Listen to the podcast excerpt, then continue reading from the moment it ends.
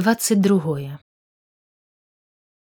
Прыцьмелаю дрымоце трывога раптоўным штуршком нібы ударыла яго ў самае сэрца.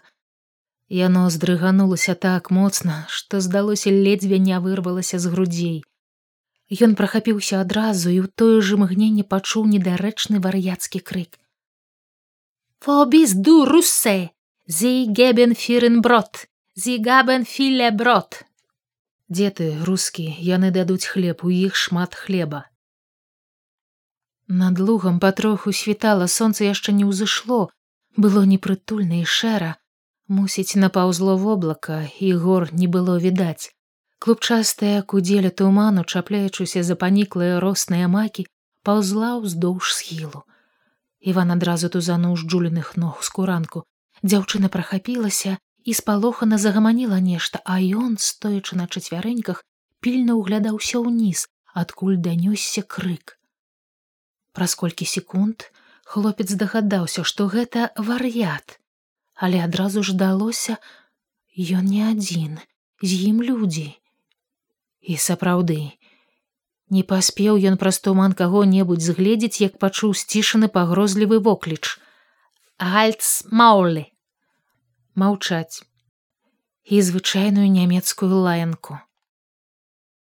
Джулія таксама пачула гэта, зразумела ўсё і кінулася да Івана.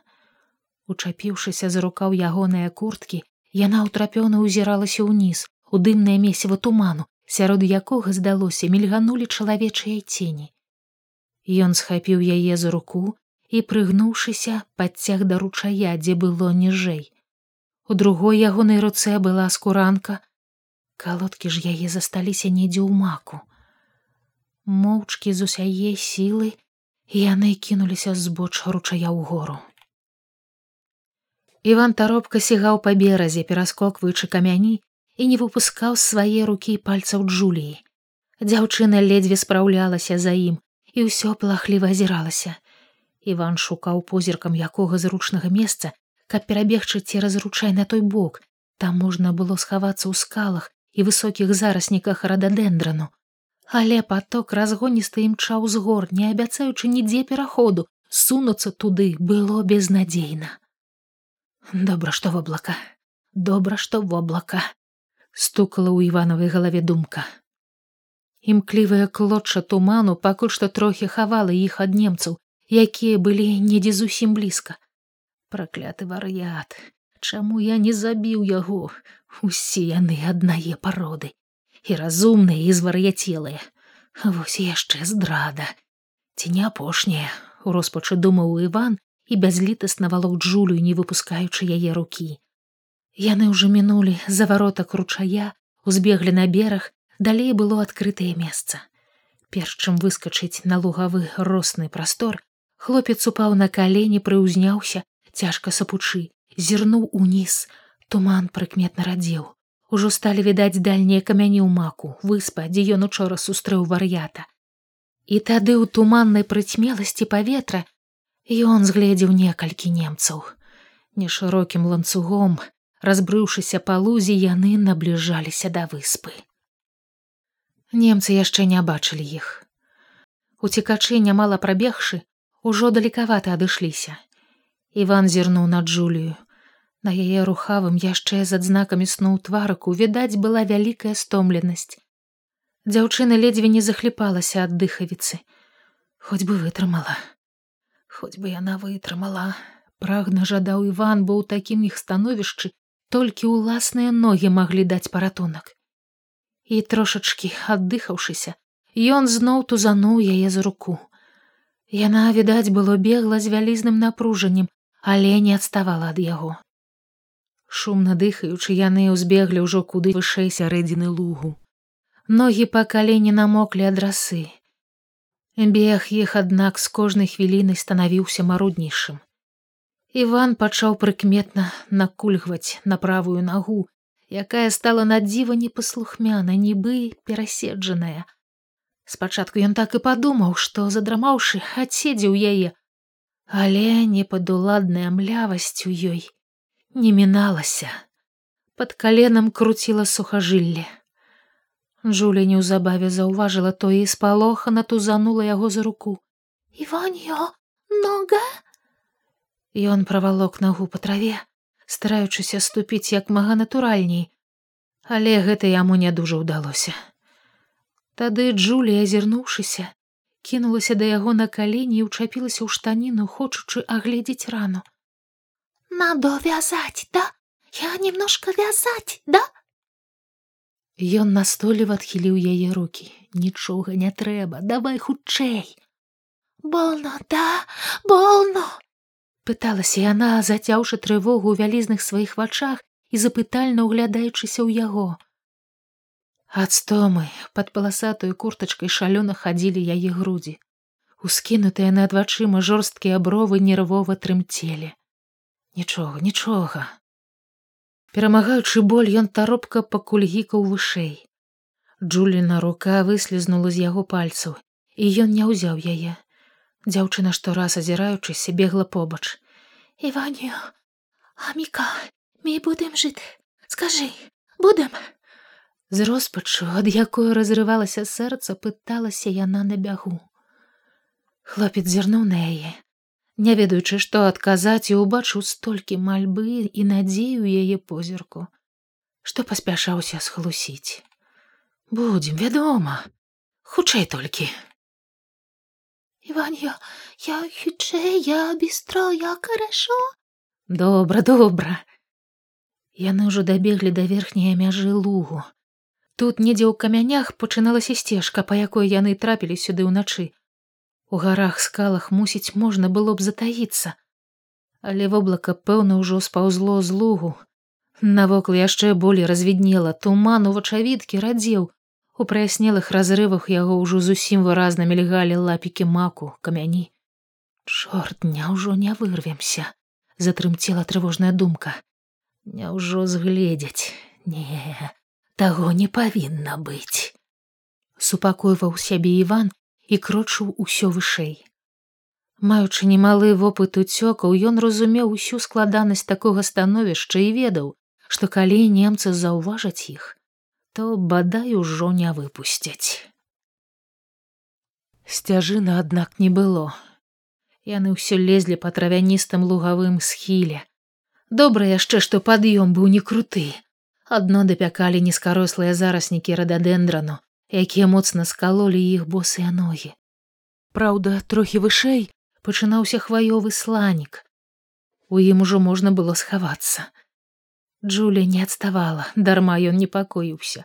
Босая, закрываўленымі ступнямі яна лезла трошкі ўперадзе ад яго, і калі азіралася, Ён бачыў на твары такую рашучасць уберагчыся ад бяды, якой не прыкмячаў за ўвесь іхны шлях ад лагера. Цяпер ей быццам не шкодзілі ні камяні ў доле, ні стома, ні калючкі, ні патырчакі.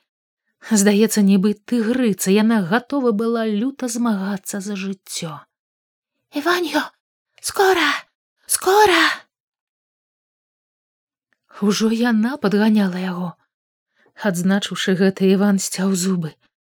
Здаецца, справы ягоныя станавіліся дрэнь. Нага ўсё болей налівалася цяжарам.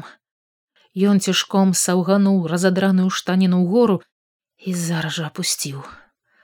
Калена азызла пасінела і зрабілася тоўстае як бервяно. Што за халера яшчэ? Няўжо заражэнне.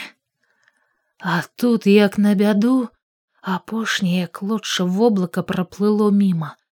Луг стрымана зардзеў чырванню маку і зараз жа з туману выплылі адна другая трэцяя змрочная як тыя камяні постаці немцаў. Чалавек восем іх стомлены ішло цераз луг топчучы кветкі зазіраючы ў гору на схіл. Далей ужо можна было не хавацца. Іван сеў кінуўшы на долску ранку Побач спынілася панылая, здалося разгубленая Джулія. Некалькі секунд ад дыхавіцы. Яны не маглі вымавіць ні слова. Толькі нема глядзелі на сваіх даганятых. А ты адразу ж загаманілі. Нехта выцягваючы руку паказваў на іх. Данёсся зычны вокліч каманды.